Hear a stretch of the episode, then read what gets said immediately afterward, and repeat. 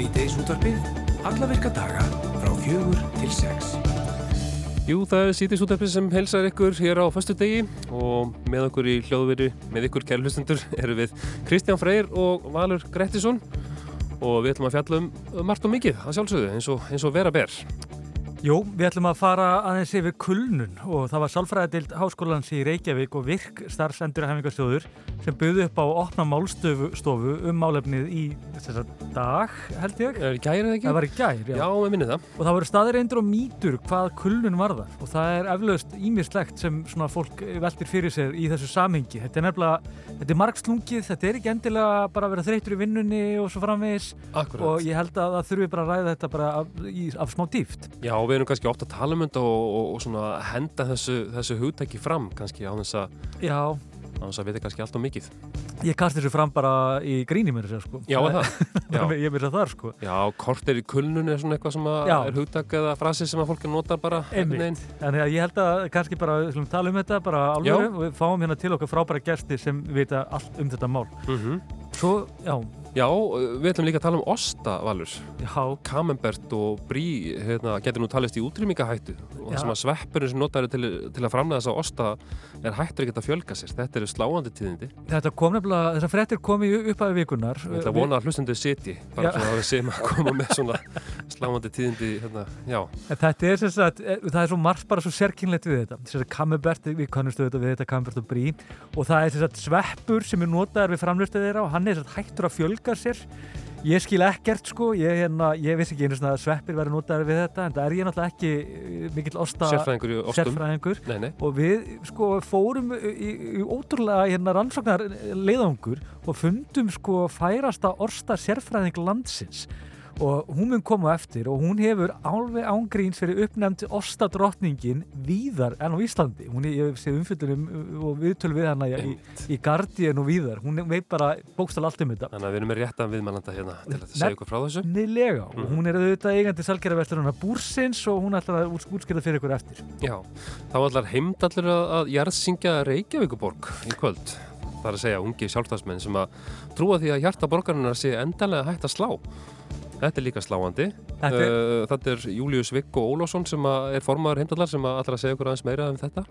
Já, þetta er, ég verð nú að segja, þetta er, þetta er svolítið frumleg mópmæli og Já. maður verð nú að verðlauna ske- skemmtilega og vil- fyndin mópmæli og okkur Já. langar að heyri í honum og, og svona aðtuga af hverju hann telur uh, tímabært að jarð, jarða hreinlega borgina og hérna sjá hvernig það fyrir þetta Þannig að það verður mögulega ótímabæri andvarsfrektina á eftir. mögulega. mm uh, já og, og svo hérna ætlum við að fá tónlistaradrið eins og þú nefndir hérna rétt áðan í lok, uh, lok dagskrár uh, en það er Sofía Björg og, og hérna Fríða Dís ætla að koma til okkar á samt Petri Ben en þau eru með tónleika í kvöld á, á samt henni Caritas uh, á Kekshostel og hver veitum að við fáum smá smá lagstúf frá Já, þeim. og En, sko, við ætlum að ringja í byrjun þáttar Já, eða sko, byrjum að því reyndar að hérna, hann, við ætlum líka að fá hann Kristi Hrapsson til okkar. Hann er rýrstöri Wikileaks, það verður alþjóðlega fréttir auðvitað eftir klokkan 5 og hann ætlar að útskýra fyrir okkur að því að sagt, Julian Assange eh, er eins og allir vita og heimurum veit eh, í fangelsi, hann er sett í gæsluvaraldi í Englandi, eða Breitlandi og þar hefur hann verið í 5 ár. Eh, eiginlega, ég veit nú ekki til þess að margir hafa verið í gæsluvaraldi í hinnum vestrana heimi í 5 ár en Assange er einn þeirra. Og hérna og það er svolítið næstu viku verður mun, munu breskir uh, breskur réttu taka afstötu þess hvort það verður framseldur til sem sagt uh, til bandaríkjana og eða ekki eða hvort ge- megi endur áfrýja þeim úrskurði og svo framvegis. Einmitt. en það er mögulega komið að svona síðustu metrónum í þessu máli. Já, og, já. jú, og hann, Kristi Rapsson er þetta, og fólk gleymir því oft að hann er náttúrulega réttstöri Wikileaks sem er eh, einn áhrifamesta fréttastofa veraldar og hefur haft ótrúlega áhrif á heiminn allan. Einmitt. og, hann, og Kristinn verður auðvitað línunni, hann er náttúrulega í London að að sýsla í þessu öllu saman. En já, Jón Gunnar Margesson hann er framkvæmdastjóri flutningafyrirtækisins eh, Jóns og Marges og hann ætlar að vera hjá okkur við vorum að reyna að ná í hann en það er tæknilega, tæknilega smáatrið sem hafa þvælst aðeins fyrir okkur. Ég ætla En- að prófa hérna núna, bara svona rétt að með við erum að tala saman, að, að ringja að því að ég er svo fjölhæfur Jú, jú, það er ekki minna. og En Jón, hérna- en Jón Gunnar sem sagt er framkvæmdastjóri Jóns og Margeis og hann var í aðteklisverið viðtali í morgunblæðin í dag þar sem hann kom fram að það er djúpur pyrringur bara meðal grindinga vegna þess að bláa lónið hefur opnað starfsemi sín og ný. Mm. Uh, þá uh, önnur fyrirtæki og sem auðvitað íbúar í Grindavík þurfa að sætta sig við mikla takmarkanir almannavarna vegna hættu ástandsins sem hefur skapast í kringum elgósahættuna og, og það er svona mönnum finnst vægarsagt uh, ósangjar, eða kannski bara sérkennilegt að þess að stefna ferða fólki þannig inn á þetta Mm. svæði sem er náttúrulega tímarlust hætt, hættulegt Já. og hættulegra en það var fyrir árið síðan sko. Ég held að hann sé komin á línuna. Ertu þarna Jón Gunnar? Hann er það ekki. Nei, Þá förum- er, erum við einhvað, eigum við einhvað tekna vandræða að stríða. Þá ætla ég bara hreinlega að setja á lag, er það ekki? það er bara flott. Er það ekki bara fínt? Uh, jú, ég, ég valdi hérna lagið með, lag með Clemens Hannigan en, en uh, Clemens hann gaf út sína sólblötu bara núna á dögunum og uh, hérna ég held að vera útgáða tónleikar í gær en býðunum við, er hann komin hérna nokkuð? Jón Gunnar, ertu þarna? nei, nei, Góð tilhörun. góð til henn Fáum Clemens loftið, takk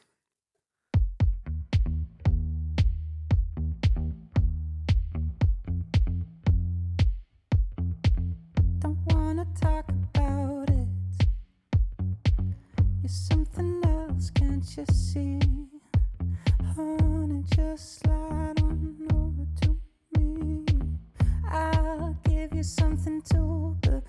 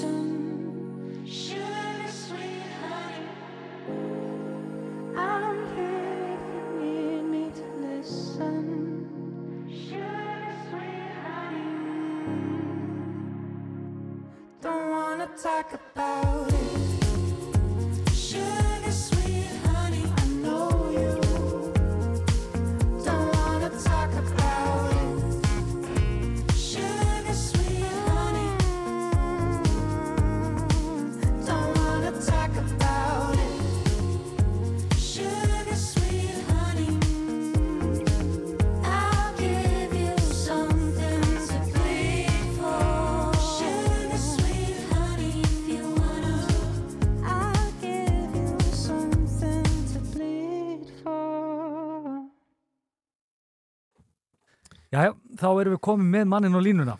Er það, ekki, er það ekki rétt skiljað mér? Jón Gunnar. Heyrir Já, góðan daginn. Góðan daginn. Ég er ykkur. Við ætlum nú bara að byrja á því. Uh, fólk veit nú um hvað þetta snýst. Uh, þetta er þetta þessi pyrringur meðal grindvíkinga vegna þess að bláa lón yfir opna starfsmið sín á ný og það er svona, þetta hefur slegið ykkur illa. Útskýrða aðeins fyrir mér kannski bara af hverju. Já, sko, það er náttúrulega svolítið galið, strákar. Ég þú getur segið þetta snúist endalega bara um bláa lóni. Þetta snýstu þetta fyrst og fremst um það að við erum náttúrulega búin að móka okkur út á heimilum okkar núna síðan 10. november. Þetta skildum einhverju viku, hálfa mánuði sem fengum að vera þarna um daginn. En svo skýtur þetta skökku við þegar slagurinn snýstu það að bláa lóni hefur gætt opnað í morgun og, og hérna og við sittum svo fleiri fleiri manns út á hérna hálftíma klirkutíma röð út á nesvið til að komast inn til grindaður af því að svo mikið á túristum og öðru fólk komast í bláa lóni. Já, það er sérstaklega mikil umferð sem er annað sem fylgir þessu auðvitað. Maður kannski áttar sig ekki alveg endilega á því. Hvaða vegir eru til að mynda uh, aðgengilegir núna til að komast inn í bæi? Ja, það, það er Krísvíkuvegur og, og Nesvegurinn og, og, og fólki í bláa lónið því er beint í gegnum Nesveginn Og hann nú náttúrulega í gegnum svolítið hættulegt svæði, er það ekki? Er það ekki rétt um mér? Jú, jú, hann gerir það. Ég meina það, það er sprungið það svæði eins og hérna annars það er inn í Grindavík, þannig þetta svona skýtur svolítið skökku við. En það verðist allan að vera mottoið að koma bláalón á stað 1, 2 og 3 og skuli, vegagerð skuli vera komið nýja hönnun að nýja vegi 60 metri gos, finnst mér algjörlega galið á samt fullt öðru fólki. Er ekki, Ég bara, vildi þeir myndu hugsa svona vel um okkur grindvíkingana. er ekki bara allir íbúar eh, mjög varir um sig á þessu svæði svona yfirleitt og, og, og það að bjóða kannski hótelgestum það er kannski ekki alveg vitulegt eða eitthvað Nei, auðvitað þeir sem að vinna inn í bæ og búin að vera þar síðustu vikur og við erum svona búin að vera inn í bæ síðan 13. november þetta mándi en all flesta daga nema þá sem hefur bara verið lokað og við verum með mína starfsmenn hann inni í, í viðgerðum og svoleiðis þannig að auðvitað vitum alveg hvað hætturnar eru en hætturnar eru allar róttar afgirtar í dag það búið að gyrða þetta rosalega vel af og, Já. og það er svo sem engi börn þarna inni og það er ekkert fólk á almanna færi og menn, það, menn er að fylgjast með einhverjum öðrum þannig að það er þetta svona skýtur svolítið svo sko. en það eru náttúrulega fjölmargir grindvíkingar sem eru þetta að vinna hjá Bláa lóninu, það ekki? Þetta Jú, eflust eru uh, margir kritikar sem vinna þar og hérna, já, já. Og það er náttúrulega kannski ágætt að, að það sé hægt að hérna, halda því einhver leitinu til að opna. Það er ekki bara að opna kannski bæinn frekar fyrir ykkar, ykkur eða held, heldur að það væri full ótímabært líka?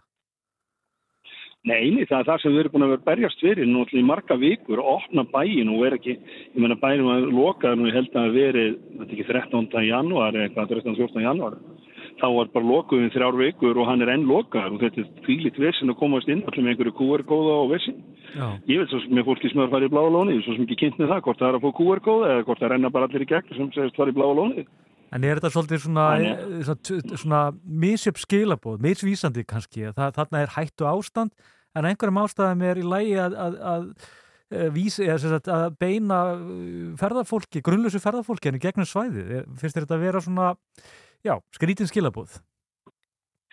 Ég meina þetta skýtur þetta skökku við að geta haldið bláalan opið, ég meina það tökja á því alla daga að það er næsta landrisið búið að vera alla tíð Já. Og hérna ég veit að HS Orka hefur alveg verið í vandræðum að koma mönnum inn til sínu hana til að sinna viðhaldi og öllu þar. Þá nú að skrítið að fólk getur verið að baða sér í bláalónu og fá ekki stóð hótelónum og hérna við erum alveg að fljóta að rýma grinda og fara út á heimilum okkar eins út af hótel upp í bláalónu sko. En hvernig, Jón, Að- að- já, hvernig er annars með Hva- fyrir ekki upplýsingaflæðið, afsaki grípið fram í fyrir þér, uh, hvernig er með upplýsingaflæði gagnvart íbúðum þið, en grindavíkur, hafið, hafið þið heyrt af því, fáið þið upplýsingar um að ég opna bláa lónið eða lastum þetta í fjölmiðlum bara?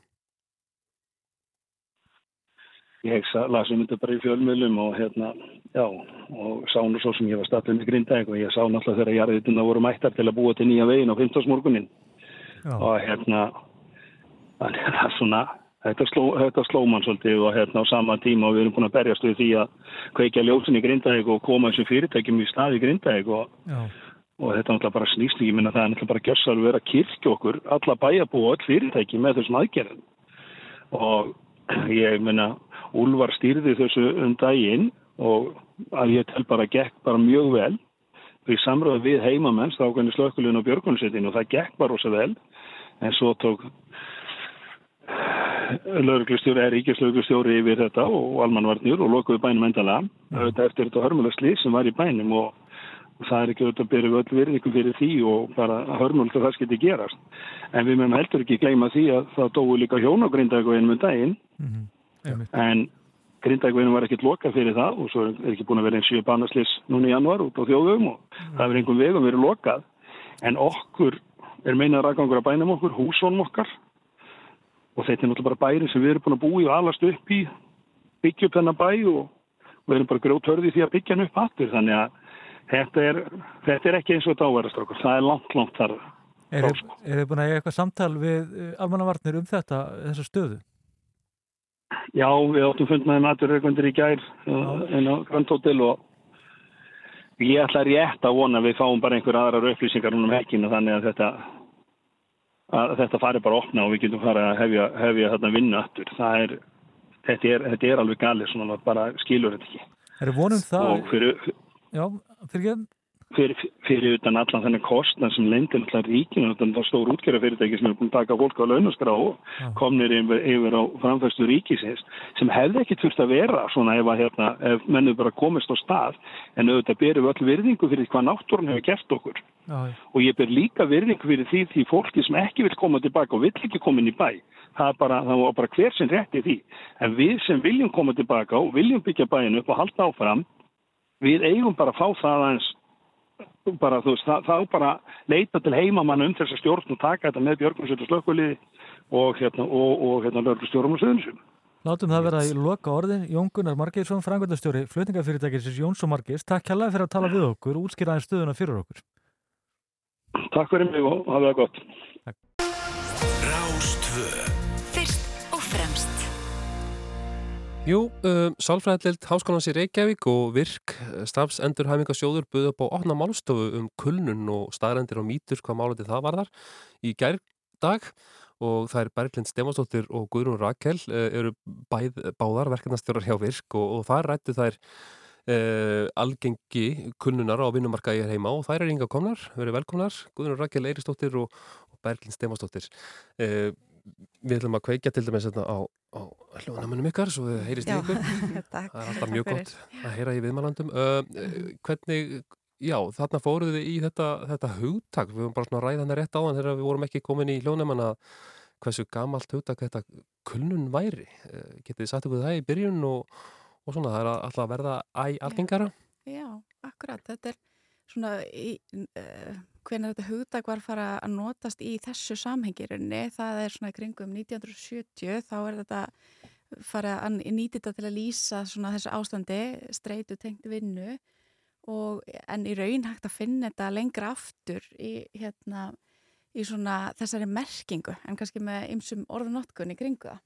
Þannig að hérna, þetta er alls ekkert eitthvað sem komið fyrra en, en hérna, en svona lengra á lengri sögu í rauninni. Og erindið ykkar sem, var, sem þið heldur í gerð var meðal þessum staðirindir og mýtur hvað málefni varðar. Hva, hverjir eru bara svona helstu mýturnar í kringum kulnun? Já, það, hann, uh, doktor Sjáfeli, eða Vilmar Sjáfeli, hann var með mjög flott erindi í gær uh, og hann er að professor og, og hérna í vinnusálfræði og hann, hans svona hérna erindi, hér þetta, mýtur og staðarindir um kulnun og kom í raun bara inn á svona ímislegt, einmitt bæði varandi þessa skilgreiningu og svona hvernig við mælum þetta fyrirbæri, uh, eins bara kom hann inn á svona hver staðan er í dag, hvað rannsóknin hafa verið að sína og já, ég, svona mýturnar kannski Já, eru svona... svolítið svona breytilar kannski eftir hvað hérna, hvað er eh, svona, já, hvað svona samfélagslega umræðan er á hverju, í hverju sinni. Já, hann nefndi einmitt líka kannski svo varðandi hvort þetta sé svona eitthvað faralds eh, að sé svona að aukast mikið og, og svona alltaf eh, eins og umræðan kannski stundum gefið til kynna. En hann vildi allan að með við svona þær tölur sem að hann hefur frá hérna sínum rannsóknum og, og í kringum hann eh, ekki meina að það væri staðan. Það var svona eitt af því sem hann nefndi sem kannski mýtur sem er umræðinu núna. Og kannski svona einmitt loka svona, eh, hvað maður að segja, svona skilabóð sem hann vildi eh, svona koma frá sér þarna voru í rauninni að við vitum mjög mikið um þetta fyrirbæri hjá vinnandi fólki fólk sem er þá hérna ekki orðið óvinnufært og, og hérna kannski einmitt er farið að sína þarna einhver merki hvernig við um að bregðast við því. En svo kannski minna vita um fólk sem er þá kannski orðið óvinnufært Mm uh, og á við svona starri og þingri vanda að stríða. -hmm. Já. og, hérna, og rannsóknir hafa reynt að sína fram og svona uh, bara ykkur skonar hérna hvort að sé einhvern veginn hægt að mæla þetta fyrirbæri með einhverjum hætti með svona bíómarkarum eða, hérna, eða slíku. Það hefur ekki tekist.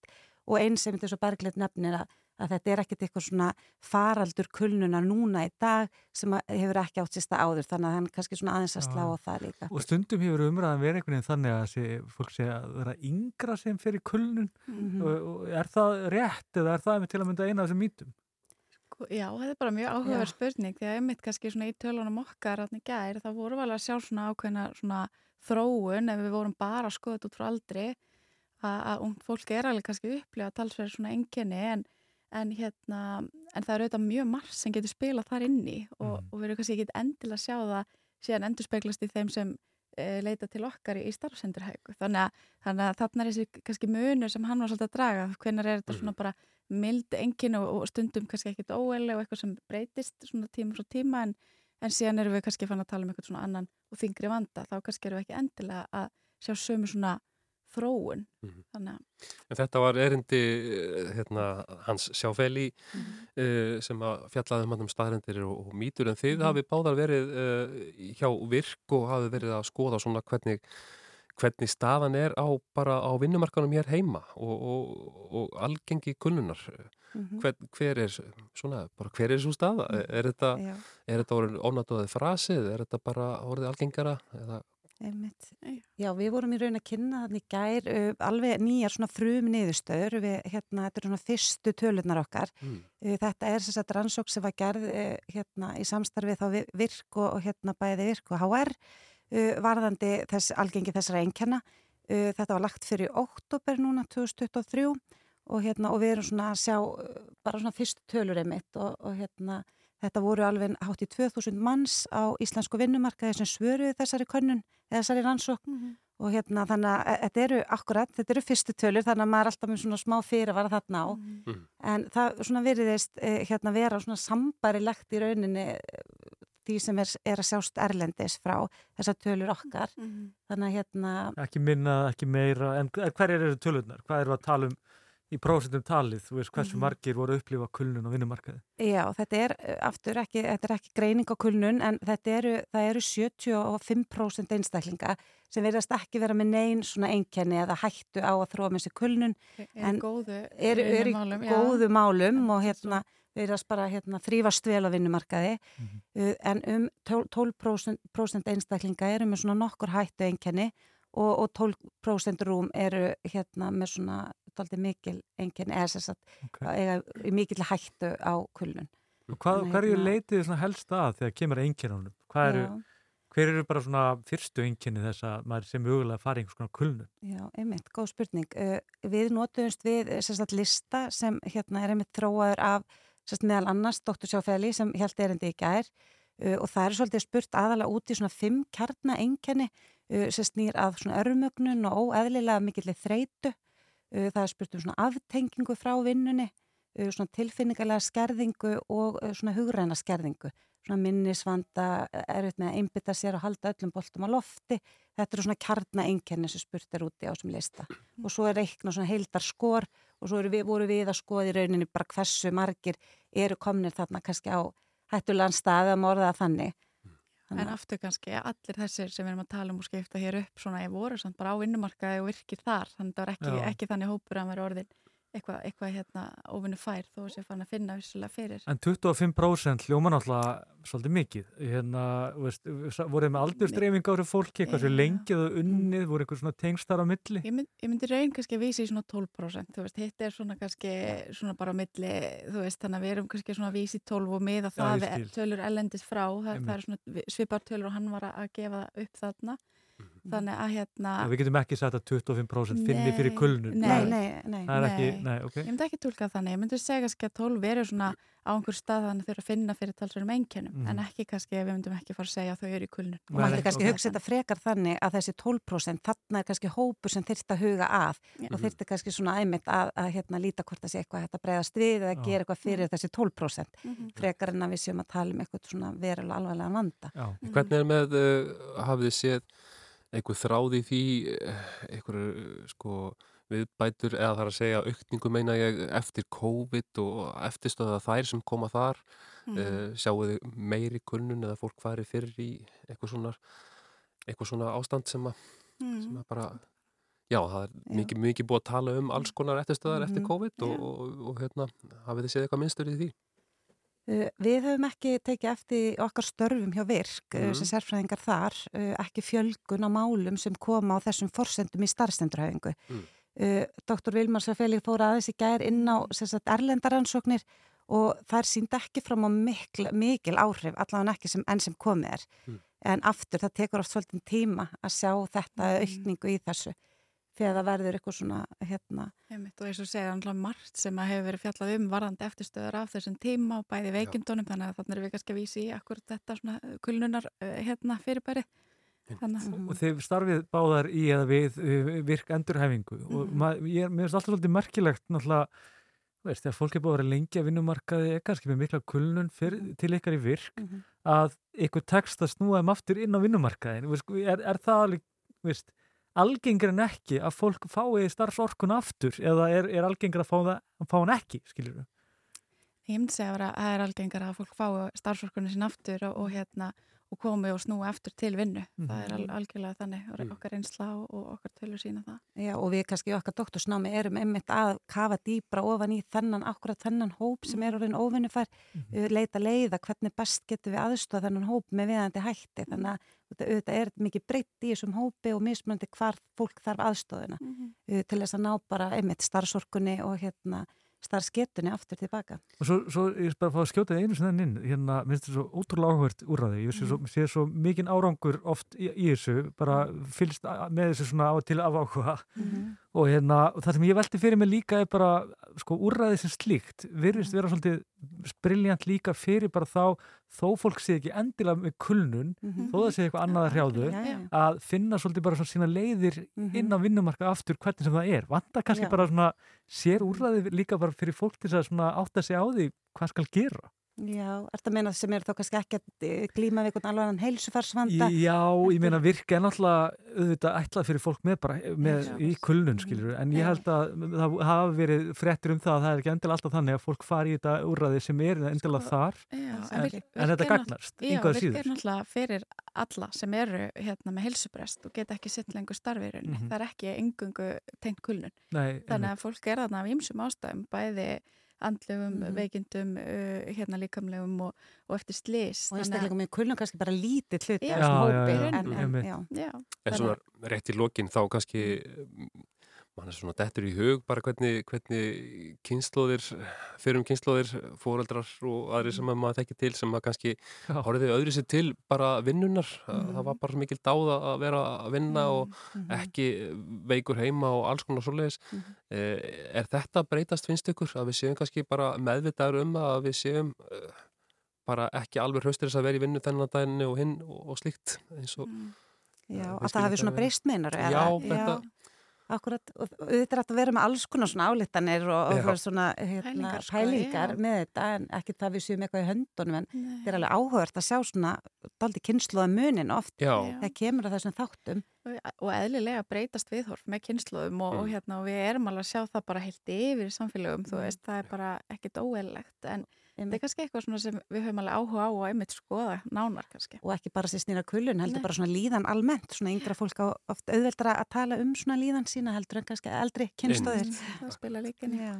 Já, Berglind og Guðrún Rakel, uh, takk kærlega fyrir að koma og heimsækja okkur og úskýra aðeins uh, um kulnun fyrir okkur og niðurstuði rannsóknarinnar.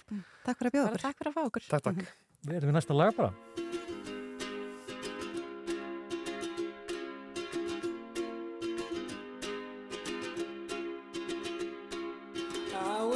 Scared of dentists and the dark. I was scared of pretty girls and starting conversations. All my friends are turning green. Yeah, the magician's assistant in their dream.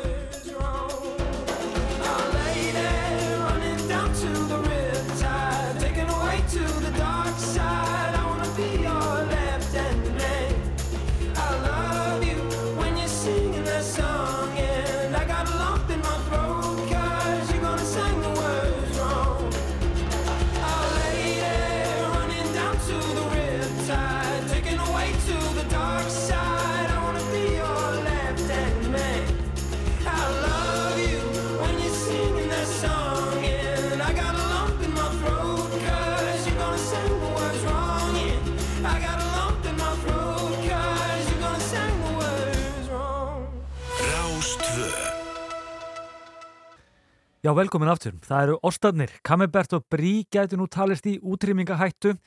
Það sem sveppur sem er notaði framleyslu þeirra er hættur að geta fjölgað sér. Þetta er setning sem ég ímynda mér að kalla á marga spurningar hjá hlustendum. Þetta er náttúrulega, eru gæðu ostar að hverfa. Hvað er við þá að bjóða upp á með júravísinu? Jæja, til dæmis, og er sveppur notaði framleyslu ossins? Ég vissi það að vísu ekki. En við erum Í sko, bara Já, við þetta. mögulega og ég hérna við þess að hérna, erum búin að ringja út um allan bæ og, það, hérna, og við höfum búin að fá alltaf saman, sama að því að við vissum ekkert um osta auðvitað. og það var alltaf mælt með sömu koninni það er osta drottningin sjálf Erni, Erni Siguradóttir fyrir ekki Já, og hérna þú varst eigandi salgjaraverturinn búrsins, það er náttúrulega ekki lengur svo, ég Nei. sagði það að við svo áðan þannig að Já. þetta er bara leiðrétt uh, en segðu okkur bara, eru verða Kammerbert og Brí ekki að bóðstólunum uh, innan tíðar? Þetta er ekki alveg þetta svona einfalt. Um, þetta er umræða sem er búin að vera í gangi alveg yfir 20 ár og í rauninu verið það sem við erum að fjalla hérna um er bara líffræðilegu fjölbreytileiki. Það er náttúrulega yfir 300 tegundir Já. af þessum gersvepp sem við getum notað til þess að framlega þessu osta. En það er það sem hefur skeið bara með yðvæðingu og, og framleiðslu, sem sagt magn framleiðslu hefur gert það að verkum að uh, í raun og veru fyrirtæki eru bara ein raun og veru búin að einblýna á tíu af yfir 300 gerlategundum Já.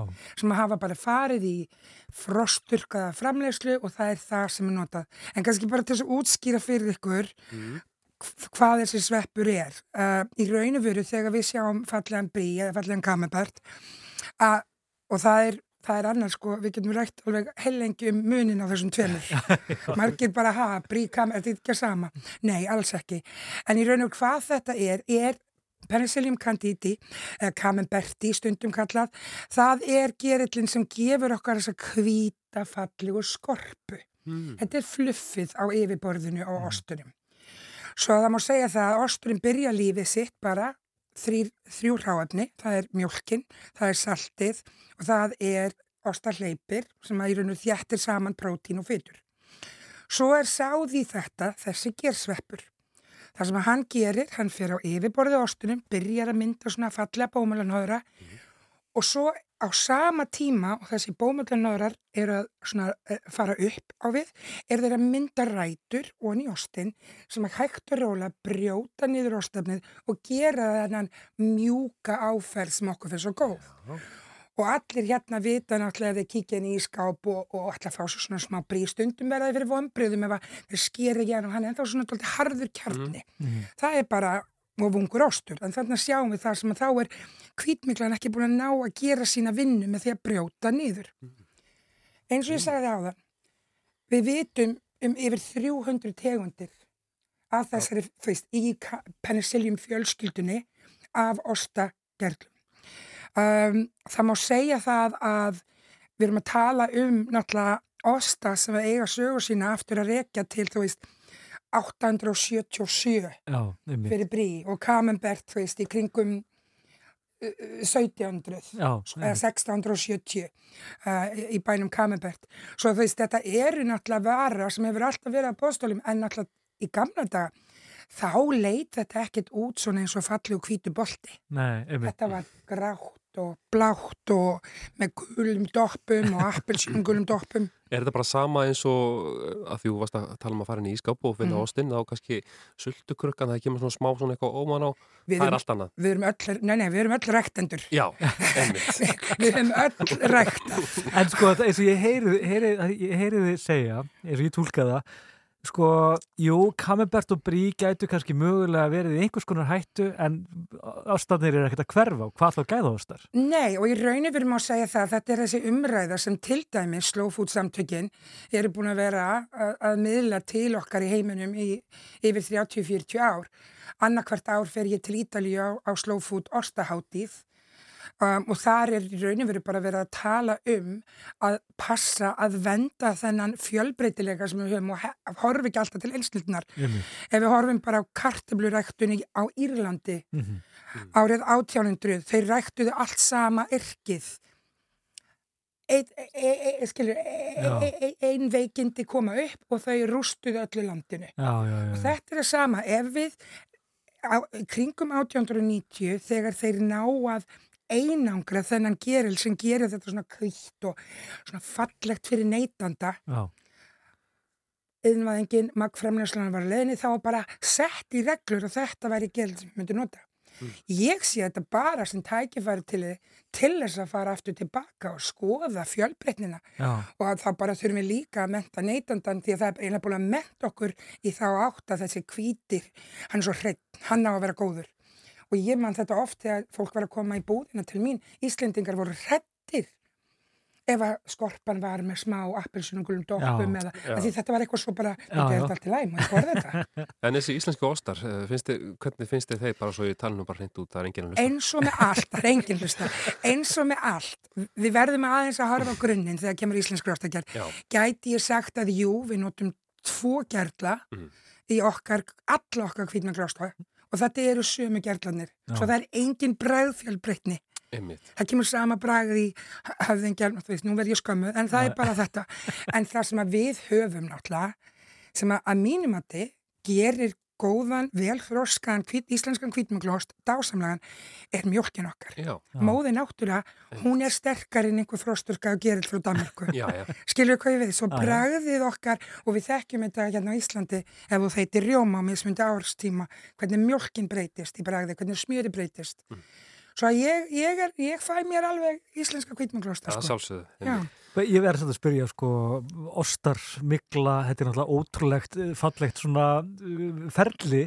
þetta er það Eh, Hvað hérna, eh, þú veist ótrúlega mikið um þetta og, og, og hvað er það sem hillar þig? ég er náttúrulega bara nörd sko, við höfum öll okkar nördisma en ég held að fyrir mér þetta byrja sko alveg bara frá barnæsku uh, ég, ég var alveg upp í Afriku og þú veist það sem ekki mikið að mjölkuvörun í ástum voru fáanleg og við fengum alltaf nokkur sem á ári senda svona kassa af ostum frá Bretlandi. Og það voru bara eins og jólinn skilu alltaf Já. mörgum sem ári.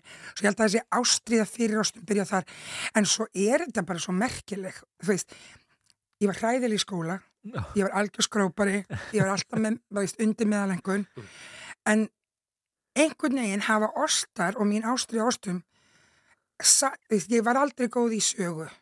Ég var aldrei góð í landafræði var, veist, það var svo margir hlutir sem ég var bara hundlíðalíði og hafa engan áhuga á. Já, osturinn einn elsta fæða sem er ennþá neitt í dag eins og hún var upprunnilega og er ennþá að mörguleiti þú veist, og í flestum tilfellum mjög náttúruleg vara, að þá er þetta hún er búin að í rauninu taka mig gegnum veröldina, já. þar sem núna veit ég Og ártöl og söguna veit ég og- sögu og og landafræði og, og, og þú veist, eins og ég segi að elska, já, er, er hægt að þú veist, vinna í ostum þú ert ekki mjölkufræðingur ég segi, já, já, því að ostur og þú veist, þetta er ást á landinu, þetta er ást á dýrategundum, þetta er lærdómur um grös og flóru, þetta er þetta er menning, þetta er kult og þetta er svo svaka stór pakki Hvað er að þú ert náttúrulega hægt núna með búrið? Hvað er það að gera að þér þá? Þessa, hvernig getur maður nálgast rækkingu og matfráður og svo framvegis? Ég er alltaf, ég er svona, ég er eitthvað að reyna að vera svona á Instagram og enna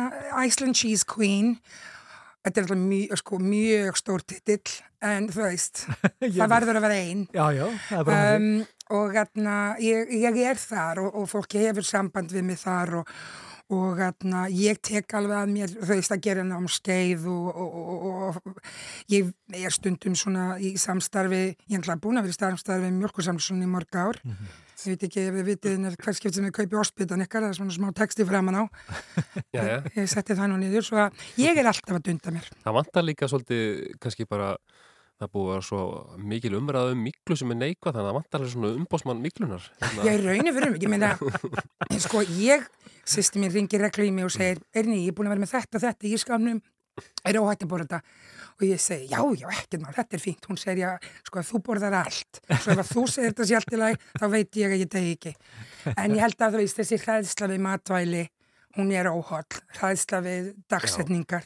Einmitt. En það sem við þurfum að horfa á hér, bara svo að allir verði ekki alltaf hrættir, þetta er ekki að fara að hverfa, Einmitt. en það er kannski núna hagur neytandana að, leita út fyrir þessa, hvað er maður að segja, þessa, tvo rísa tvo á rísa sem í rauninu verið bara, veist, ef ég fær til Japan, til Parísar og til Noregs og ég kefti hvítmenglost í hverju landi fyrir sig, mjólkin, hún mun gefa bragð, en það er komið svo mikil einsleitni í henni innað. já, já, já. Já, Þetta er náttúrulega ótrúlega áhugavert og umtalsveit áhugaverðara en ég hefði búist við. Og hérna, þetta er náttúrulega heimur ásins Erni Sigurðardóttir, eigandi, neini, þú er bara selkeri, ég er ekki bara að kalla það hérna og ástadrottning Og umbósmaður miklunar. Já, Umbósmaður miklur, takk fyrir að koma ástamálur á þeirra, Takk, takk. takk fyrir að koma til okkar þetta var einstaklega gafn að tala um þetta. Takk fyrir, takk. Valur, uh, ég ætla að spila lag sem að þú valdir hérna rétt á hann. Já, þetta er fjórsættarslagið mitt Mhm. þetta er náttúrulega Bölvið Greta og, Já. og, og, svolítil hérna, svolítil ofbeldi Já. þetta er hérna dancer með hérna idols En það er nú einu sinni fastu dagur Já. og, og þeir við, hérna, verið að og við það er sko, takk eftir bassanum hann er svakaður hérna er Dancers með Idols. Hold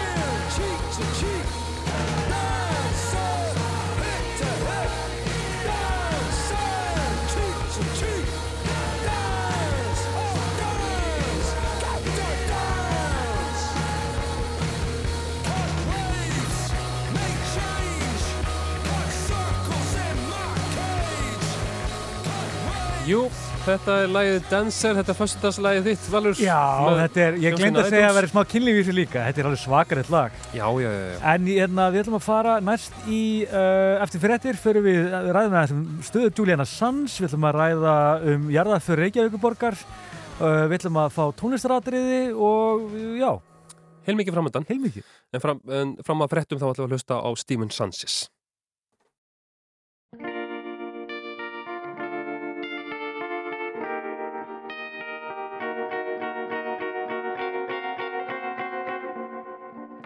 Georgia. Right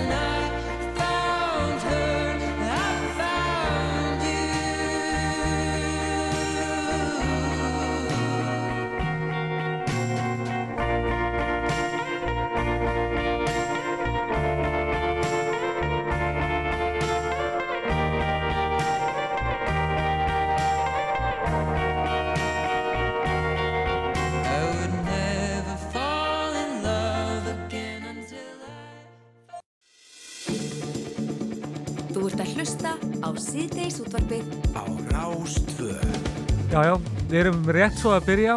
Það er Valur Grettisson og Kristján Freyr sem leiði ykkur hérna gegnum setna klukkutíman í, í síðdeis útvarpinu. Uh, við ætlum bara að fara beint í næsta mál. Það er sem sagt, þetta er nú eiginlega bara með stærri málum þegar kemur að blaðamannastjettinni og auðvitað bara síðasta áratug þegar kemur að bara upplýsingamiðlun yfir höfuð. Já. Hann Julian Assange er búin að vera í fimm ár í gæsluvaraldi, sem ég held að ekkert vestrand ríki geti státt að segja af aðra en breytandir að hérna hafa haft mann svo lengi í gæsluvaraldi. Eh, með okkur er Kristinn Rapsson, hann er reistur í Wikileaks og það er að verða ákveðin tímamóti í þessu máli í næstu viku, er það ekki, Kristinn? Jú, alveg það er svo sannlega. Uh, í næstu viku að þá uh, er eiginlega komið að ögur stund fyrir Julian því að þá er hans loka uh, í réttakerfinu í Breitlandi að hefjast, þar að segja, beðinu um að fá áfríun á höfnum dómkerfisins uh, á kakvart beinu hans um að, um að vera ekki framsöldið til bandaríkjuna. Uh, þetta er búið að fara tvo ringi gegnum dómskerfið. Dómararnir hér hafa í London hafa tekið sér óra langan tíma til þess að ferla málið sem ég held að sé hreinlega yfirlýð stefna að tengja þetta svo hefja þetta eins út í hér óvendarlega. Uh, en það sem gerir svona næstu vika á þriðdag og miðgudag er að lagmenn Julian uh, munu mæta í áfriðarétt High Court sem er svona landsréttur breyta og leggja það fram uh, skýslur með þegar raukstuða beðinni Julian sem það að fá að áfriða þessum úrskurðu að hann skildi framstilin til bandaríkjana. Ef að það, ef að hann fær ekki þessa ósk sinna, eða að segja óskum að, að fá að, að, að leggja máluði fyrir þegar hann áfriðan rétt, ef að því verður hafnað, að þá er öll sund lokuð fyrir hann í belsku réttakerfi og eina leiðin þá er að reyna að, að sækja eitthvað réttlættir til mannlega dómstóls Evrópu sem að brettar er í óðu ömurinn að koma sér út úr. Finnst þér, uh, hvað finnst þér líklegt hérna? Er eitthvað að lesa í stöðuna? Ég meina, ef hann verður, ef hann fær ekki að áfrýja þessu máli, þá er hann, verður hann líklega bara sendur til bandaríkjana þegar ekki? Já, það er eiginlega miklu líkur á því. Og ef hann verður sendur til bandaríkjana? Óvissu þætt, Já, það er ekki? Það eru svo margir óvissu, eru svo margir óvissu þættir í því hvað eh, getur gert. En ef hann er samt sendur til bandaríkjana, við byrjum bara á því hvað, hvað tíma hans var. Það er átján ákjæra liðir, það er, það er að 17 á grundvelli njósnalókjaverunar sem hefur aldrei verið beitt áður gegn uh, bladamanni eða útgjáfanda. Í fyrsta skipti er það bladamanni sem er ákjörður á grundvelli njósnalagana sem eru frá 1917 uh, komið til ára sinna uh, og er þess konar lögjöf að uh, uh, það er ekki hægt að koma lakru vörnu við. Þú getur ekki beitt fyrir því sem bladamaður vísa til almanahagsmuna þú ert einfallega meðhandlaði sem njósnari og með þann réttarsal sem að bandarækjamenn hafa valið fyrir málið sem að er í uh, austurluta Virginíu fylgi þar sem allir kviðdómendur eru annarkort vinir eða vandamenn eh, starfsmanna, stofnmannana sem eru þar á svæðinu, hvort sem það er CIA eða auðvitaðsáðanöndum og svo framvegis. Men þeir eh, munu allir stimpla eh, gegn Julian Assange í hvers skipti sem að ákjæravaldi fer með mál grundið njósnalöggefra og þeir hafa gert það töluvert á síðustlurum uh, 20 árum yfirlega gegn, gegn uh, uppljósturum þá hafa þær haft sigur þeir hafa aldrei tapað einasta máli fyrir þessum réttasal þessu rétti sem er kallaður njóstna dómstólinn eða Skype spy, spy court. En málið er samt svolítið aðteglisvert vegna þess að það eru til fordæmi fyrir því eins og í Pentagon-skjólunum að bladamenn hafa verið sótið til saka fyrir á nákvæmlega sama grundvelli en ríki, bandarinska ríki verið ekki hérna, haft erfið, erindi sem erfiði. Já, það er að vísa til náttúrulega uppljóðstana frá uh, Daniel Ellsberg heitnum sem var lest á síðasta árið uh, sem var stuttu okkur dekkilega því hann sá svo mikla samsörun í þessum málum Julians og, og sína eiginmáli. Mm -hmm. Daniel Ellsberg er, er sá sem að lag Pentagon-skjölunum sem var breytti gangi sögunar og, og stuðlaða bæði endalókum Nixons í, í, í, í sínum valdaferðli og endalókum Vietnam-strísins. Um, en uh, það er bara myrkari tímar. Og það er alvarlegt teikni fyrir að uh, og ég rætti þetta við Daniel Ellsberg á að lest og hann saði mér að ef að hans mál hefði verið að koma upp í dag í umhverfum sem er ríki í dag og því atmosfæri þá hefði hann aldrei uh, frálstöðu stóð ekki aftur. Hann hefði eitt restina æfinni í fangelsi þannig að við erum að lifa þannig myrkari tíma heldur en við getum ímyndað okkur á myrkurstu dögum Nixon tímaskeiðsins fyrir 50 árum síðan. Það er bara staðin. Hvernig, Kristinn, Julian hefur, hann hefur setið hvað í fimm ári í Belmars fangilsunu uh, en, en málið er nú þetta ótrúlega mál nær lengra tilbaka hvað, til 2010 eða hvað? Þetta er orðið næstu í 14 ára saga. Hann er að vera núna í, í, frá 11. april 11. april næstkomandi eru, eru fimm ár síðan á handteikjum og stungið inn í þetta öryggisfangelsi bretta, mest að öryggisfangelsi Brettlands og búin að dúsa þar í það síðan við Ídlan aðbúin innan um morðveikja og hruðjarkamenn maður sem hefur ekkert að saka um með annað heldur en það að byrta sannar upplýsingar og afhjúpanir um yllvirki og hérna stríðslæti stórveldasins. Hann hefur ekki verið slagföldi fyrir okkur skapaðan hlut, hann er ennþá í þessu ferli og já, þetta tegir sig aftur til 2010 og þetta hefur Íslands tengingu vegna þess að það sem hann er ákjærðu fyrir er byrtingu hernaðar upplýsingar frá Írak og Afganistan byrtingu diplomataskjala hernaðar árás fyrla árásan myndbandið sem var frumsýnd af, af, af RÚF 5. april 2010 í fjölmjöla við Vikilíks Um, sem að undirbúa allir byrtingar í Reykjavík. Þannig að þessir þættir eru þeir sem eru grundvöldur uh, ákjörðu, þessara makalus ákjörðu skjáls uh, gegn Julia og getur leitt til alltaf 175 ára fangelsi Já. E, er segur. Segðu mér, hérna, þú talaði um þetta myrka tíma og stjórnmála ástandi væri öðru í sig. Nú eru blikar á lofti í bandaríkjunum, það eru kostningur á næsta leiti, millir Joe Biden alveg öruglega og líklega Donald Trumps, við, við, við hérna, ég veit að mörgum finnst, það að heyra það svo sem, en heldur að þetta mál kom einhvern veginn svolítið inn í þar kostningar mögulega, eða þetta er eftir að hafa áhrif á þær umröður? Mín kenning er, er svo að við erum mörg, mörg öfli bandaríkjunum sem að vilja eh, enga meginn fá Julian Assange yfir til bandaríkjana í þessu, þessu tíma skeiði sem við erum að fara í gegnum núna. Það er að sjá kostninga áhrif, það sem að vel kann að vera að það verður mjótt á munum. En uh, þetta þegar vítið svona bortað stað að þá fer hann að hlaðutin á sig og það er þetta stöðvan. E, mín kenning er svo að menn hefði gætna að vilja reyna haldunum í ángjörðsi eins lengi og mögulegt er og helst fram yfir næsta kostningar bandvíkjum næsta haust.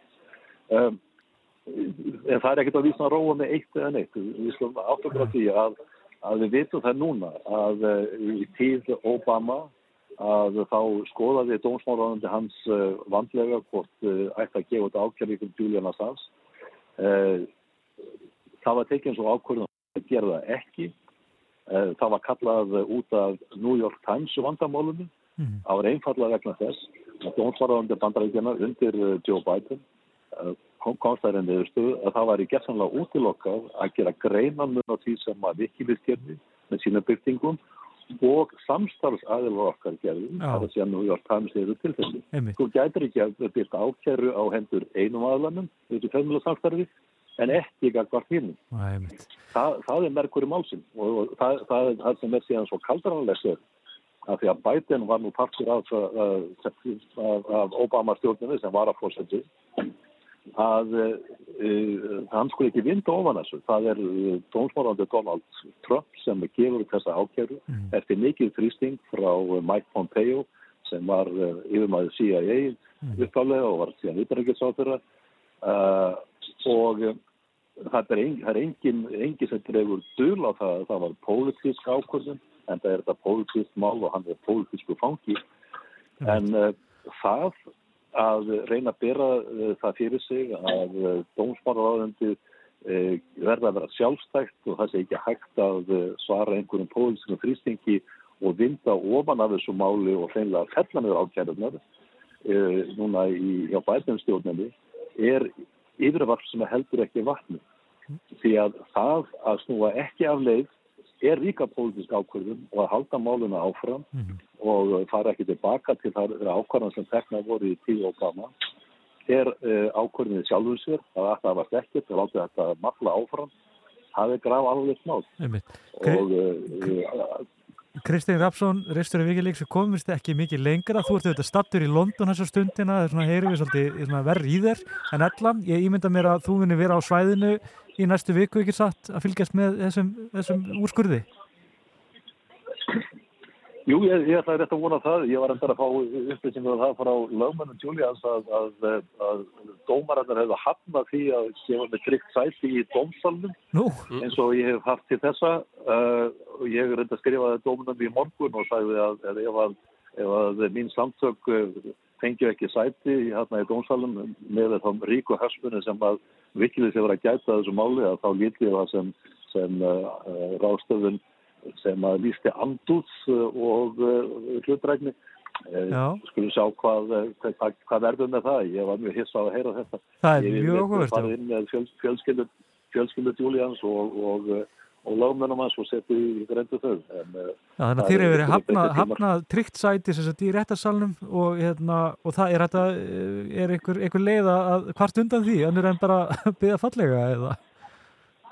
Já, já, ég sendi þessu segi skeiti í morgun, ég hef ekki séð hvort það er komið svarið því, en þetta hefst á þriðdæn. Já, Ég tel það mig graf alveg þegar ég hef ekki aðganga að réttarsalum eins og ég haft áður. akkurat. eh, út af þeirra hagsmunna sem að virkliði sem var að gæta í þessu máli og sennilega uh, en það kemur ekkert á óvart ég hef náttúrulega verið mjög gaggarínum á dómstólana og störf dómsins uh, en það hefur hann verið skelvilega ófaglegur og pólitískur í ákvörðinu sín og það er augljóst þetta er, er skrýpaleikur, þetta er bóðslu skrýpaleikur, það er öllum ljóst sem hafa fylgst með þessu í námt og eh, ég óttast að mest að uh, þetta tveirastu dagar, uh, tveir dagar næstu viku verði, ömurlegt framhald á, á Lá- máli. Látum það vera að loka orðin. Takk fyrir þetta kjalla Kristinn Rapsson og bestu kveðið til London. Takk fyrir það.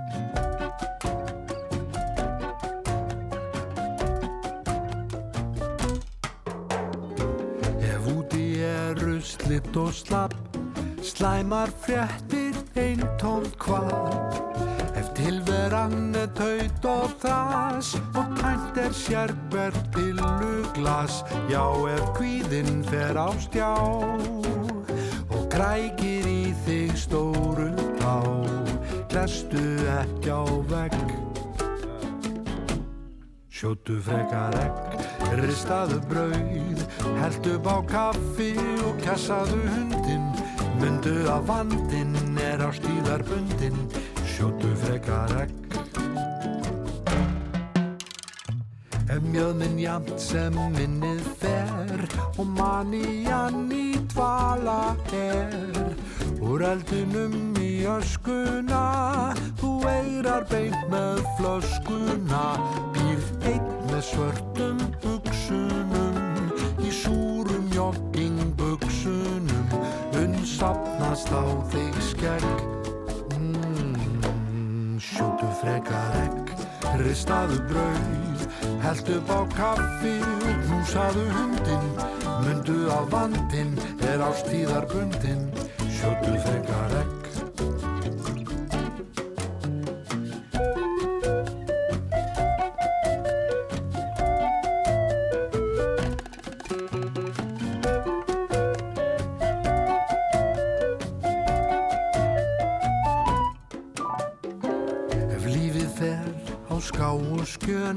og skólast til þín fáu plön Heilin dofin, holdið slagt, hjartað eitt á þriðju vakt. Þú ert samband svo meðvitundarlaus og sængina dregur upp fyrir haus og sendir frá þér negg Æ, sjóttu frekar egg, ristaðu brauð, haltu upp á kaffi og gítlaðu hundin, mundu að vandinn er á stíðar bundin, sjóttu frekar egg, mm, sjóttu frekar egg, loftar út, haltu upp á kaffi og baðaðu hundin, mundu að vandinn er skamtíma bundin, sjóttu frekar egg, ú, já. Sjóttu frekar egg. Sjóttu frekar egg Sjóttu frekar egg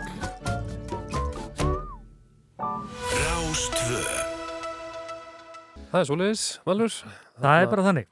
Við ætlum að sjóða egg. Nei, við ætlum að, við ætlum að brjóta egg núna. Já, einmitt. Við erum komið með unga mann hingað og okkur fannst þetta svo skemmtilegt og fyndið og, hérna, og okkur finnst ung pólitík uh, bara eitthvað sem er hressandi. Það er gott að fá smá brott í þetta. Það er það nefnilega sko. Mm. Og hérna, heimdallur, nefnilega að jarðsingja Reykjavíkuborg í kvöld. Eða það er að segja, ungi sjálfstæðismenn ætla að jarðsingja borgina. Þeir trúið því að hjarta borgarinnar sé bara hætt að slá, endanlega, ef ekki bara orðað þannig. Og útfarastjórin sjálfur, Július Viggo Ólason, formaður heimdallir, er komin til okkar og ætlar að ræða þessa mögulega svona ótímabæru andlátsfregn.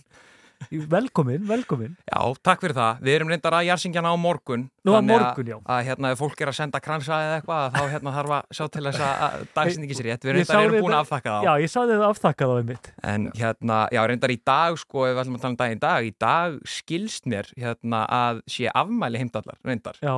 Uh, 97 ára. Já. En það er stór dagur samt sem áður fyrir. Takk fyrir það. Segðu mér nú hvað, hérna, af hverju myndir nú segja að borgin væri bara svo illa farin að þyrta jarðsingjunar heimlega? Já, það er nú náttúrulega mörg uh, borgin okkar, uh, okkar, okkar áskjara borg er búin að vera að glíma við mörg langvarandi og erfið uh, vandamál. Uh, þannig má nefna skuldahólisma, uh, skikt, uh, báksbólgu og samgöngu þregðu.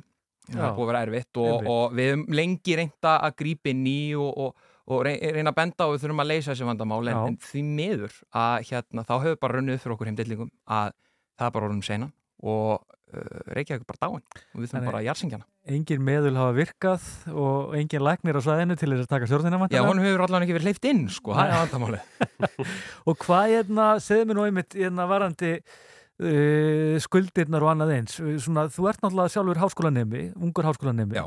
hvernig svona, finnur þetta á eigin skinni að þú setja lappandum í svona miðjum döðanum? Ég, ég op- opna hurðina á mótnana og, finn bara finn fyrir þunganum. Hérna, nei þetta er auðvitað það sem er náttúrulega erfitt fyrir ungt fólk eins og okkur þegar við lítum á, Reykjavík þá er það bara að, ég og aðri hindlingar og annað ungt fólk bara yfir höfu okkur langar svona í heildina litið að búa í Reykjavík Mhm. og eiga hérna heimili og, og, og eignast fjölskyldur og hvað er og það er bara farið að vera svartar og svartari mynd sko Já. það er, er hérna það, það sem er kannski svona hengur mest yfir út af því að umræða eins og veist, skuldir eða bákn eða, eða, eða þú veist regluverk eða hvað er þetta getur verið svolítið svona þetta er, er ekki áþreifanlegt. En, en þegar maður lítur bara á að, að ég er henni miðri á í háskólanámi og svo útskrifast ég uh, ef Guð leifir eftir eitt og hálft ár uh, og þá á ég bara að vera fullorinn maður og ég er ekki lengur með stúnda íbúð og, og þá þarf ég að búa eitthvað staðar og helst vil ég eignast heimili í Reykjavík en það er bara ekkert svo augljóst að að það muni takast sko. Nei, það er náttúrulega búið að sko búið að vera ofbúrslega mikil uppbygging einhverða síður og hún hefur bara ekki haldið í við bara mjög hraða, hraða mannfjölda fjölgun sem hefur átt sér stað á Íslandi og í sérstaklega í borginni. Heldur að það verði mitt þið verður svo kynsluð sem er hverfiðast með að koma yfir eitthvað þakki Ég meina, það stefnir í það að- að manni sýnist, ekki það að ma- að maður geti titla sig eitthvað rosalega sérfræðin en ég meina það rignir ekkit yfir hefninni yfir landið okkar með núna. Og það að fá ykkur að 1300 íbúa auka eftirspurð bara á einu brettin á fastegnamarkaðin þegar það er uh, það er í raun uh, svona framleitur skortur á lóðaframbóði í, í stærsta sveitafélaginu á landinu.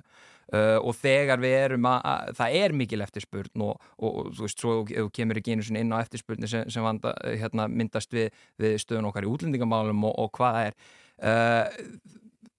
það er erfitt að að- að að vera eitthvað jákvæður. Maður reynir að vera það samt sem aður Einmitt. En hvernig finnst þér að því að tala hérna um gikt og ýmsar botlangabólgur og annað? Hefur ekkert, eh, ekkert glaðst yfir einhvers konar uppbyggingu í, í Reykjavík borg upp á síkastið?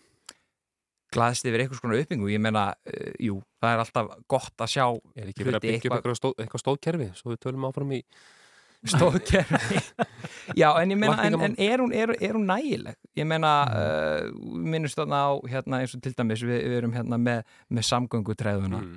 uh, að nú er ég eins og ég segi með, með, með hitt sko, ég er engin heldur sérfræðingur í samgöngumálum ekki að þykjast vera það uh, og gæti vel verið að borgarlínan sé bara algjörlega málið Mhm. uh, og ef við bara gefum okkur það uh, hvar er hún samt? Já, hún er að vera tíu ára gömul sko þessi hugmynd og, og ég hef ekki sér stakka stöðu eða Og- búið að stinga niður skóplu eða hvað er.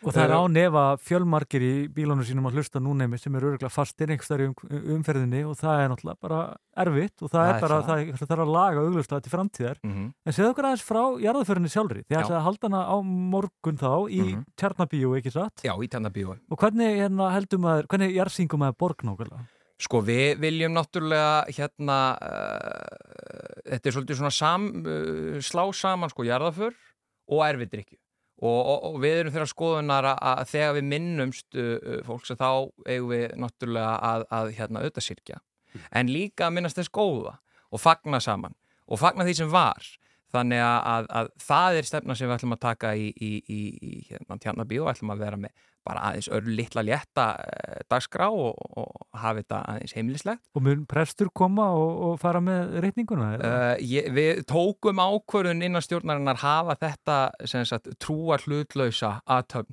sem við munum halda. Einhvers konar sálusorgari samt. Já, þannig að það eru allir velkomnir óháð hérna, trúskoðun eða, eða, félagi, hvort að fólk sé í þjóðkirkjunu eða siðmenn, það eru allir velkomnir og hérna, og svo undir lokina að þá uh, vonstu til þess að- tendra ljós fyrir minningu okkar áskjæru borgar Heldur þetta sé mögulega eina útförin sem á sér stað það sem að erfiðdrykjan er líka bara hreinlega ón í kistunni? það, það er mögulega uh, allavega svo fyrsta en það er spurning hvort það verður svo síðasta En hvað segðum við nú, uh, svo við getum nú lo, ljú, lokið þessu kannski mögulega einhverjum jákvæðum nótum. Mm. Það lítur nú vera hægt að endurveikja þetta líka, eða ekki? Líka, já. Lífgan við. Já, það er aldrei að vita. Uh, tækniframfarir og læknavísindi þau halda áfram og, og, og það er aldrei að vita hvort að einhver stað sé vitaminsbröða við sjáum hann ekki í dag. Og uh, þess vegna þá segjum við að það sé mögulega ólátt gengið og við þurfum bara að jara hana. En þú tal, taldir upp þetta mein hérna áðan og svona rétt í lokin bara, er þetta eh, sér reikvíst heldur að þið eru að, að hérna fara að jarðsingja borgina, Mm. mm. heldur þetta sé bara sama meinin sem að er kannski allstaðar sem við eigum að etja á Íslandi í öðrum byggðalöfum? Uh, ég meina, gæti verið en ég held að stafi svolítið út af, út af hérna, út frá okkar áskjöru borg Já. og ég hef heyrt það nú, hérna, nú að Aldi sem var hérna, bæjastúri áður fyrir í hveragerði, hún sagði það besta sem gerist við hveragerði var þétting byggðar í Reykjavík ég segi bara takk kærlega fyrir, fyrir að koma Július Viggo og ég auðvitað samryggist innilega. Takk kærlega. Valur, við erum ekki búin að sjá sálmaskrána en ég hygg að þetta geti mögulega verið hérna, eitt, af, eitt af þeim á morgun.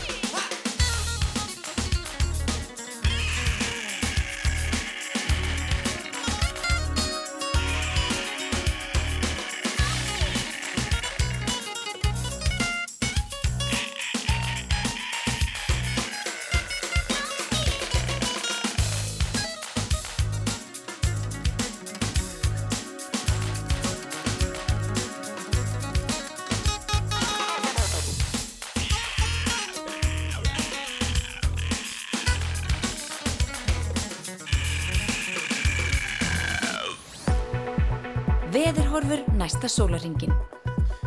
Jú, það er að fara að hlýna svolítið, það er nú bara þannig. Já, ég ætla nú bara ekki að gleyma að afkynna þetta lag sem við hlustum á. Það var sjálfsögðu Tóttmóbíl og, og Pöttulæð. Já.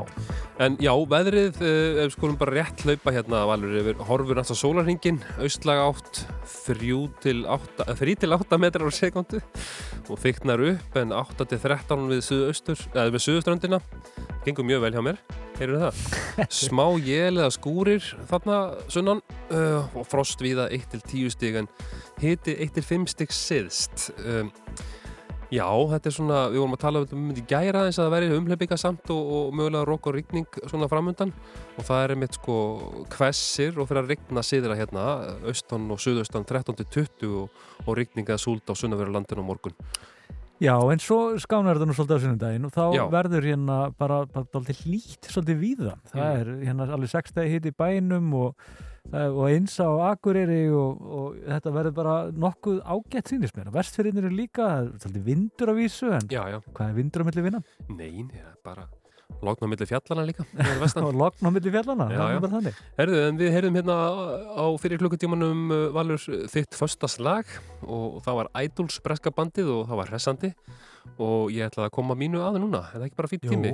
Þetta, uh, mitt föstaslag er að sjálfsögðu 18 og 100 uh, með Prins Pólo og þetta er nú bara, þetta er bara gleðisöngur og keirum það bara í gang. Þetta er förstu dagur.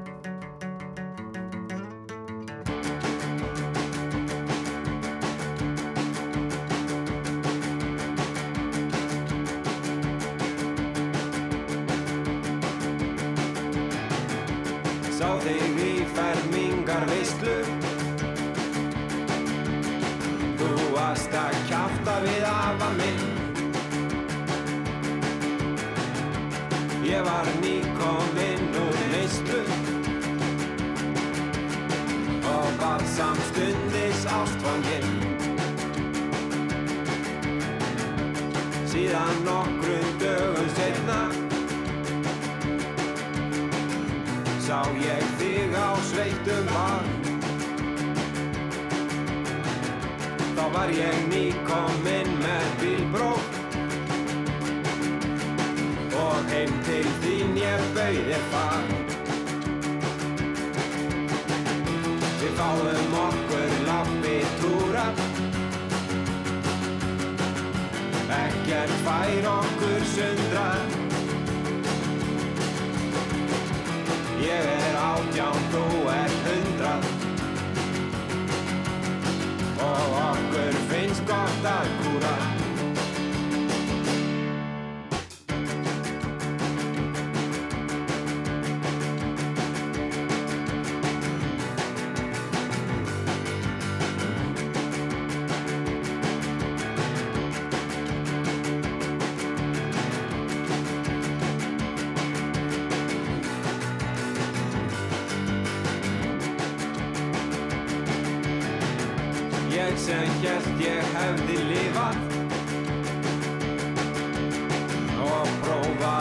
ímsan óþverra Hafði aldrei áður smakkað. Eitthvað eins og svikinn hér að Þú sýndir mér gamlar myndir. Og þær voru svartvíta sagði þér allar mína syndir.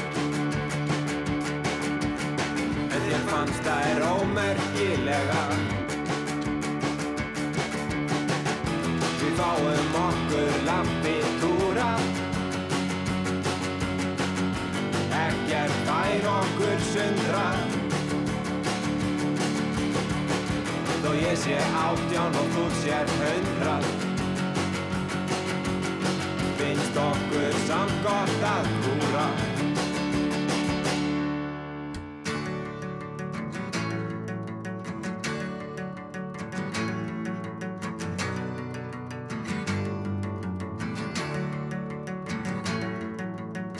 Já, gamla mín, þú var nú aldrei sætt og fín. Það er sko ekkert grín. Nei, hann að ringja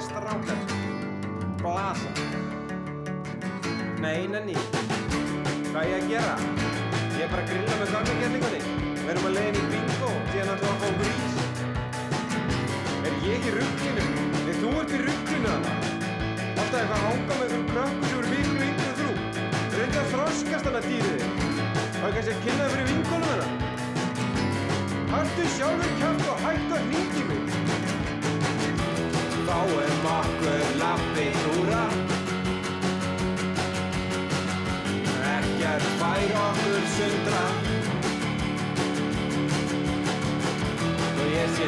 átján og þú sé hundra.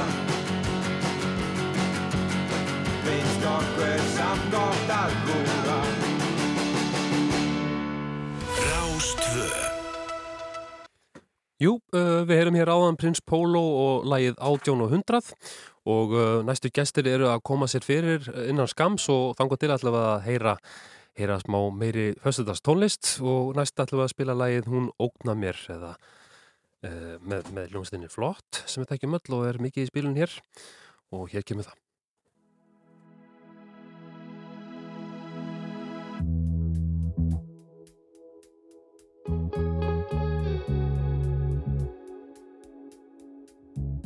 Hún er svo sæt Með svona heilbreyða húð sem þarf aldrei að meika. Hún er pottitt heimsk Eða með frekar slappan persónuleika. Og hún er svo klár Alltaf langhæst og svo vakant og einbeitt. Það er eitthvað að Því félagslífið er þá varla neitt neitt. Þarf ég að rífa eina niður til að hýfa mig? Upp Er ekki pláss fyrir fleiri. Nei, hún ógnar mér sem ógnar henni, sem ógnar henni, sem ógnar þér. Sem ógnar henni, sem ógnar henni, sem ógnar mér sem ógnar henni, sem ógnar henni, sem ógnar þér. Og þú ógnar mér og kannski ógna ég þér.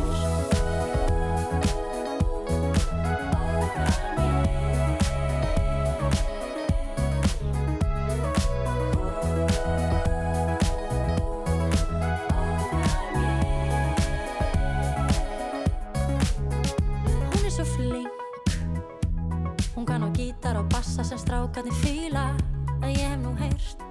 að það sé svolítið erfitt við hana að díla. Og hún er svo snjöll Allir hlusta og hlæja þegar hún opnar munnin. En eftir tvö ár verður fræðarsól hennar eflaust úr brunnin Þar ég að rífa eina niður til að hýfa mig upp Er ekki pláss fyrir fleiri. Og til að hrífa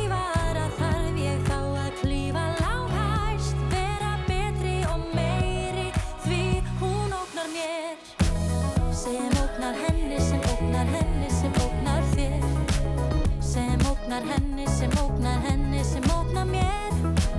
Sem ógnar henni, sem ógnar henni, sem ógnar þér. Og þú ógnar mér og kannski ógna ég þér.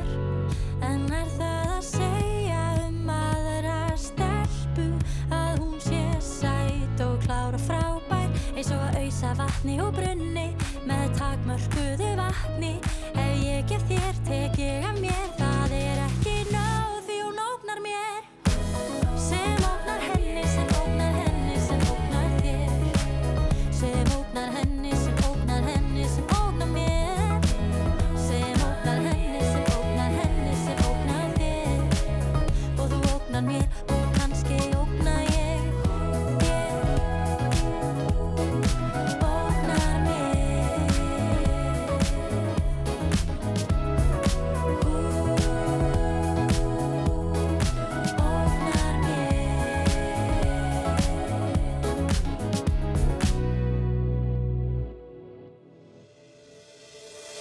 Síðdegisútvarpið Á Rástvö Jú, uh, hingað eru komin góði gestir í hljóðver og, og hérna við tölum um það hérna fjálglega í byrjun, byrjun þátt af aður að við ætlum að lofa kannski einhverju tónlistatri hérna í lokin og uh, við stöndum að sjálfsögðu við það sem við segjum, eða ekki? Jú, jú, fjálglega, já, já. Já. Við erum bara nokkuð raukt allt saman. Já, ég var í Íslensku háskólanum. Já. En hérna, uh, hingað eru komin uh, mjög góði gestir eins og í- í Sofía Björg, uh, Fríðadís og Pétur Ben sem er votnaði gítar, uh, en þau ætla að, að skemmta gestum á Keks hostel í kvöld á samt henni Caritas og uh, Já, og, og þið er náttúrulega með mörg játn í eldinum og uh, auðvitað þið þrjár hann í Mm. fórgrunni en Pétur er með og kannski fleiri eða þið líka kannski segja ykkur frá því hvernig þetta verður í kvöld Það, já. Hæ, Sofía hérna. uh, ég skal byrja. Mm, sko, það verða fullt af fólki með okkur í kvöld. Þá við auðvitað sem þetta sem bara Sofía, Karitas og Fríða. Mhm. Þá, sem sagt, á sviði í mínusetti þá verðum við hérna þrjú, Fríða og Pétur. Og svo hérna kemur Krummi í heimsókn og Já, við já. tökum lagið okkar Bonafide. sem hefur verið mjög minnsalt Rástvö Já. meðal annars, já, Af því að við erum að spila eiginlega sko bara nýlög sem að fólk hefur eiginlega ekkert heyrt. Mhm. Þess að hringdi í krumma. Við erum að eh, spila eitthvað sem að fólk kannski kannast við. Já. En þetta er sérst, hérna, lög sem að ég og Pétur erum búin að vera að vinna að bara síðastlið hvað? Vilja bara sumar. Já, frá því senastu sumar. sumar. Voru eiginlega bara allt senastu sumar bara að taka þetta upp Mhm. og semja og semja saman. Mhm. já, já. Það er trillt sko. Byrjum að semja saman músík. Þannig að hvena fáum við að heyra afræstur Á eftir. Já, alla í Get ekki beðið En já, einmitt, þannig að plata á næstunni plata á næstunni, þú veist, mér langar alltaf að gefa út allt í gær Já. þannig að hérna kannski þú veist, ég segi mér langar að gefa hún út í vor kannski gefa hún út í haust Já. en við ætlum að fara smá Eitthvað kemur út í vor. já, eitthvað kemur út í vor, Mhm. kannski bara öll lögin En það á kjöru tækifæri í kvöld að fá smá Forsmekk. forsmekk af þess öllu saman eða Já. Þið spilar ekki allt í kvöld eða hvernig er það? jú, jú, Allt sem hún kann. Já, allt sem ég kann, ég að spila öll lögin sem ég kann Og Fríða, þú hérna, þú gafst út bara hvað fyrir árið að tveimur Já. Síðustu blötuð það ekki? Jú. Já, og hún heitir Lipstick On og Já. ég er að spila hana það Mhm. er svona svolítið indie rock já, þannig að við lókum kvöldinu á góðu stuði frábært og ég með Smára Guðmundsson, Haldur Lárusson og Hallavalla úr Ælu Nú, hvuslas já, og já. Maríu Rún Baldursdóttir Já. og mig Sofíu Björk, hún er bara sjálfgefin Akkurat. Og okkur vantar hana Karit að syngja Já. auðvitað en hérna sem Já. betur fyrir sýstir hennar hér, Sofía, þið eru Já. sýstur og... ég tala alltaf fyrir Karitas Já, er það ekki?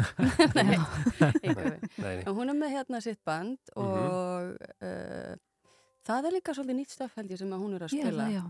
Já, ótrúlega flott ég sá hann að spila þetta á Erfis og ég bara hvet hlustundur Mm. Að missa ekki af henni Karitas og fyrir þau sem að kannski ekki þekkja til hennar eins mikið, er nú búið að spilast uh, nokkuð lög uh, hennar en, en hún er líka í Reykjavíkudætturum, er það ekki rétt? Já, hún er í uh, Reykjavík dæturum Mm. og svo er hún alveg rosalega duglegur plötusnúður. Einmitt. Hún er að spila bara rosalega mikið. Já. Er verið að gera það bara... Akkurat. Já. Svo verð ég nú að minnast á það bara talandum uh, hvað við heyrum oft hérna á Rás 2 lögin ykkar en svo komuð þið hérna þrjú sem að ég uh, sem er hérna fyrir frá mig uh, að uppáhaldslögur Rás 2 rétt fyrir jólin Það er sem að við gerðum hérna útgáfi af, af lag Arnar Eliasar Múkisson. Já. Það var askaplega snakkaralega gert. Okkur fannst þetta bara hefnast ágætlega svona Já. með við, það var ekkit rosa langur fyrirvara á þessu Einmitt. og, og hérna Þannig að við hefum heyrt talsvægt að þessari útgáfu bara og, og heldur Pétur að, að vinninu hafi ekki verið ánæði með þetta bara. Ég þekki hann ágætlega sko og hann var bara mjög ánæði með þetta sko Frábært Það hafi líka bara verið, þú veist það var svona, þetta var náttúrulega svona pínulítið öðruvísi Mhm. svona snúningur á læginu Einmitt. en það sem að ég kom að hinum snúningnum Já. þá fannst mér svona rétt að koma með nýjan snúning Það hérna, Snúning á snúningin Já, við komum svona snúning á snúningin Já, komum heila hristingur bara Já Við erum þá að tala um gítarstefið í murmur. Já. Það er svo komum því fram. Já, Ah, já, gott. já. Hvar sækjum vinnu hér? Bara Já. Hvað Gott að- þetta vanta hér inn? Það var algjörlega það sem áttaði sko. Takk fyrir þetta. Já. En við skiptum sæti kannski. Nei, herðu, kæra þakki fyrir að koma og þetta byrjar hvenar í kvöld og og þetta er á Klukkan átta. Keksástöl. Klukkan átta. Klukkan átta á keksinu Já, frýtt inn Já. Já, frýtt inn. Mhm. Og Frí Keksástöl. bjór. Nei. Er það? Nei, ekki frí bjór. Má ekki ljúga í útvarpið. Keksástel er hérna við skólagötu bara hérna í Reykjavík, bara svo það komið fram. En við ætlum að fá að heyra smá hljótæmi og, og, og nota benni það er kannski þeir sem að uh, við þau sem að mæta á tónleikana við munum heyra þá kannski einhvað, einhvað nýlegt og, og nýtt Mhm. í bland frá ykkur öllum. Já, við ætlum einmitt þetta lag sem við ætlum að flytja Já. heitir Red Wing og það er eftir, eftir mig og Pétur. Já, frábært, þá skulum við bara láta vaða. Það er að stilla okkur hérna. Mm -hmm. stilla okkur af.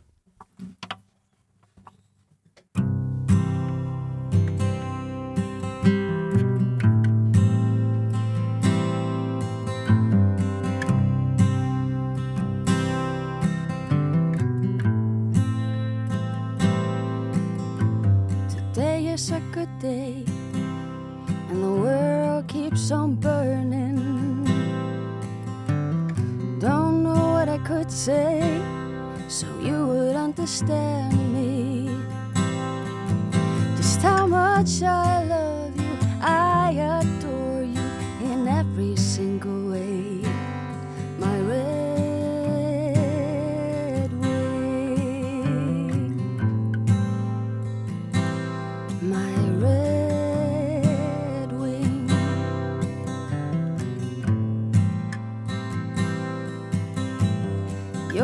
city where the lights are shining. I'm writing a letter, trying not to tell you just how much I love you. I adore you in every single way.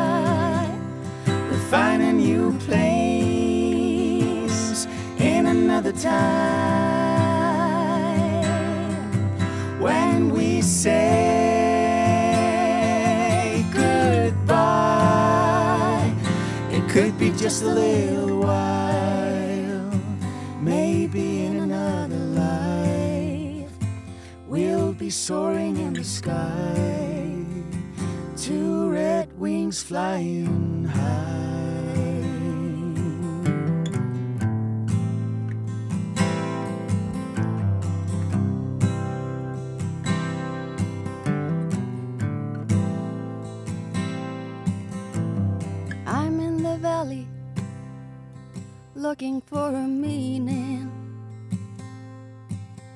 The quiet around me is almost like it's screaming.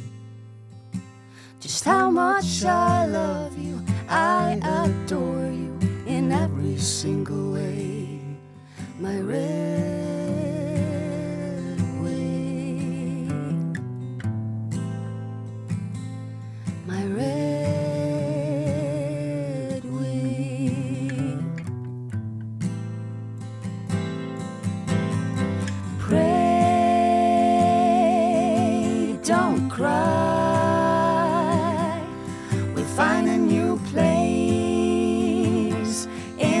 time when we say goodbye. It could be just a little while, maybe in another life.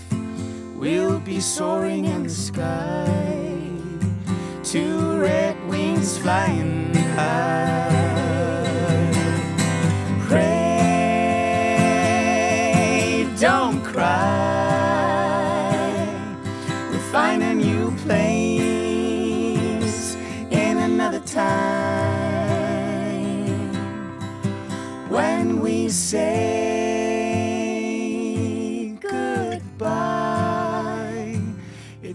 Just a little while, maybe in another life. We'll be soaring in the sky, two red wings flying high.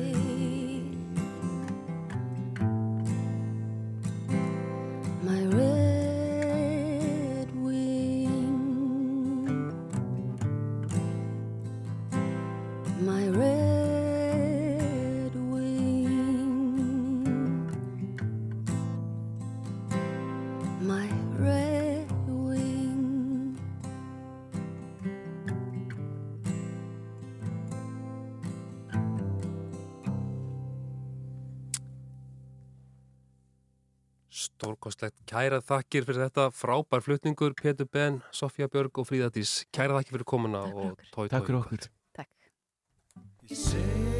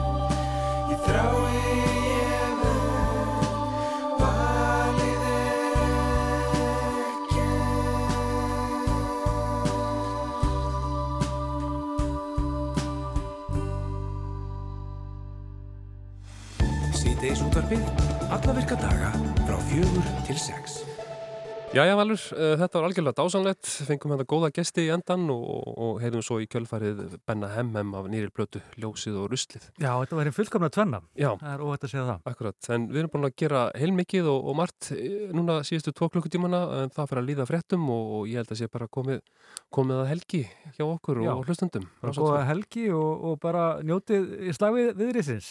Hvernig það verður. Er, já. En fram að því þá bara hlustum við á Weekend sem er náttúrulega mjög viðeigandi að því að það er að koma helgi. Þannig að takk fyrir okkur og góða helgi.